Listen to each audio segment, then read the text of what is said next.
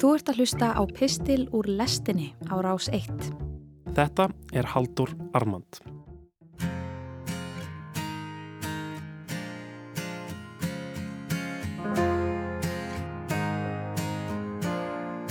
Hvað er maðurinn?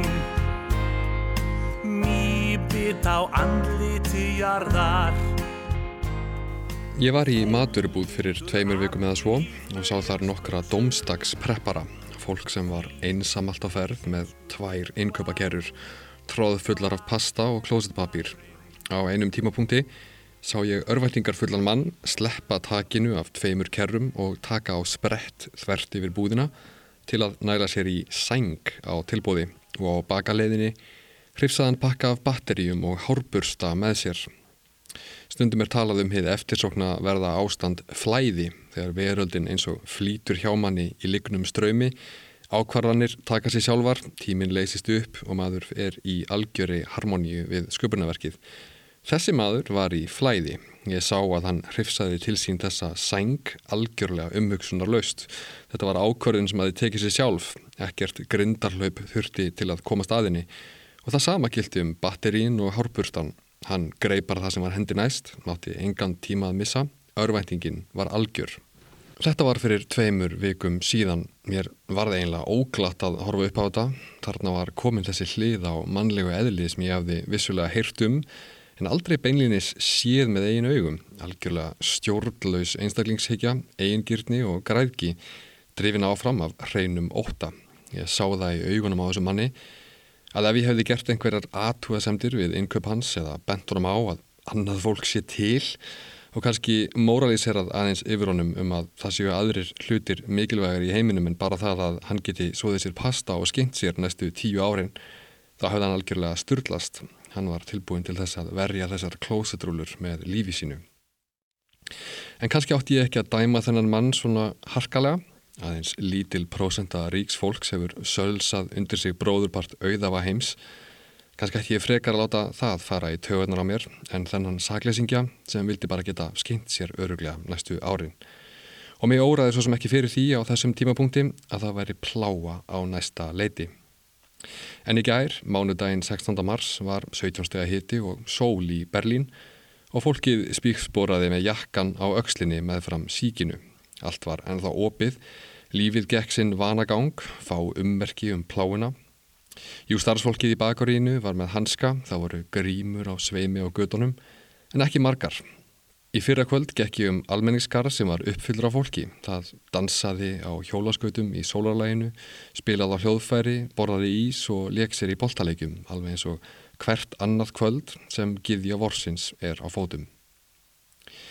Ég horfið á bladamannafund Donald Trumps bandarækjaforsetta þar sem hann lísti yfir neyðar ástandi vegna koronaveirunar. Þetta var súrealíst áhorf meira að segja fyrir hann og maður getur ekki annað en spurt sig hvort kannski verði það þessi veira eftir allt saman sem grandar hans pólitíska ferli. Koronaveiran er að minnstakosti eina von Joe Biden, það er nokkuð ljóst, það menn engin mannlegur máttur duga til að koma miðjusæknum atvinnu stjórnmálamanni með pælott solgleru í kvítahásið en bannvæn pláa gæti hjálpað til. Á þessum súrealíska bladamannafundi bandarísku ríkisstjórnarinnar fengu forstjórar ímissa af stæstu fyrirtækjum bandaríkjana að tjá sig. Síðan var læknir kynntur í pontu sem veiti upp útprentað skema um nýja vefsíðu á vegum Google með upplýsingum fyrir bandarískan almenning um veiruna. Fyrirsögnin á þessu skema var Coronavirus Testing New Solutions for Consumers eða Koronavírus rannsóknir nýjar lausnir fyrir neytendur. Ég þurfti að horfa á þetta aftur uh, því ég trúði ekki í mínum eiginu augum. Fyrst forstjórar stærstu fyrirtækja heims að tjá sig fyrir hönd ríkistjónarinnar og síðan kæruleysislega vísað til bandarísku þjóðarinnar á þessum umbróta tímum sem neytenda consumers. Þetta var einhvern veginn of gott til að vera satt.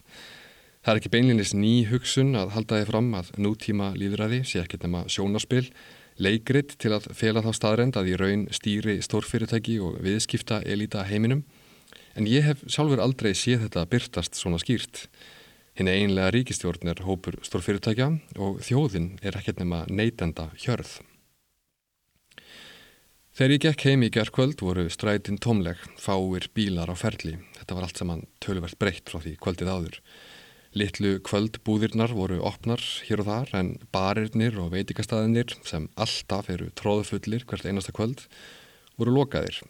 Utan á húsið mitt var búið að hengja miða á ensku. Þetta var mikill berlínar miði. Þetta var miði sem tólkaði heiminn fyrir mig og sagði mér hvernig hlutinir eru og gaf mér fyrirmæli um það hvernig ég átti að haga mér.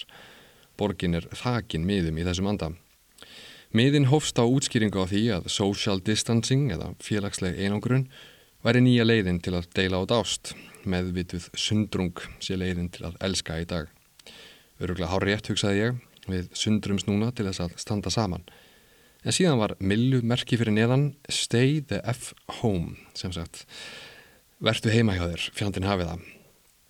Mér líkaði ekki þessi tótt. Þetta er tótt sem ég finnst ég hafa greint áður. Til dæmis þegar fólki er sagt að vera ekki fáviti. Þetta er tótt sem segir, kæri lesandi, þú ert ábyggilega svo hættulega vitlaus að ég sé mig knúin til þess að hengja svona miða utan á húsið þitt til að minna þig á að stopna ekki okkur öllum í hættu. Þannig að þú veist, vertu heima hjá þér, fjandin hafið það. Ég fletti millumerkinu upp á netinu og það fyrsta sem ég sá var týst frá ferðamálaráði Íslands. Komdu til Íslands, setna, vertu heima hjá þér, fjandin hafið það. En kannski var einhver sannleikur í þessari kynningu hjá Trump þar sem bandariska þjóðin var smættuð niður í neytendur af ríkistjórnsinni. Er það ekki fyrst og fremst það sem við erum að missa, nesla, þegar vinnustæðir loka, búðir, barir, það er samkomi bann, engin kaffuhús, sundlugar eða leikhús. Hvað eru við þá? Hvað er maður sem er fastur heima hjá sér með engin aðkallandi verkefni? Hvað er manneskja sem hefur ekki anska boltan, engan vinnustaf, engar samkomur og ber þá samfélagslegu skildu að vera einn með sjálfum sér, sundraður frá öðrum? Hvað er maðurinn er sungið í söngleiknum Gauragangi eftir henni þekktu bók Ólafs Haugs Símunarssonar Og svarið, mýbit á andliti jarðar, höfundur úraldra hugmynda, makalöst magráður dindill, morðóður brosandi böðull, ringjari í tómleikans kirkju. Mér fannst ég heyra bjöllur þessarar kirkju glimja í morgun þegar ég gekk út í dagsljósið, kannski vegna þess að ég bý við kirkjutorg. Og ég velti fyrir mér hvort þetta væru síðustu augnablikin hér í borg fyrir útgöngubann. Eða ekki, hver veit? Óvissan er algjör og eflaust er eina leiðin til þess að díla við hana að líta á ástandið sem einhvers konar æðurleisis próf frá æðri mátturvöldum, eins klausukent og þann og hljómar. En ef við erum að enda um það sem við gerum, hvað er maður þá þegar maður getur ekki gert neitt? Hvað er samfélag sem er lokað inni? Ég vona að svarið sé ekki bara sundraðir neytendur eða magráðir dindlar.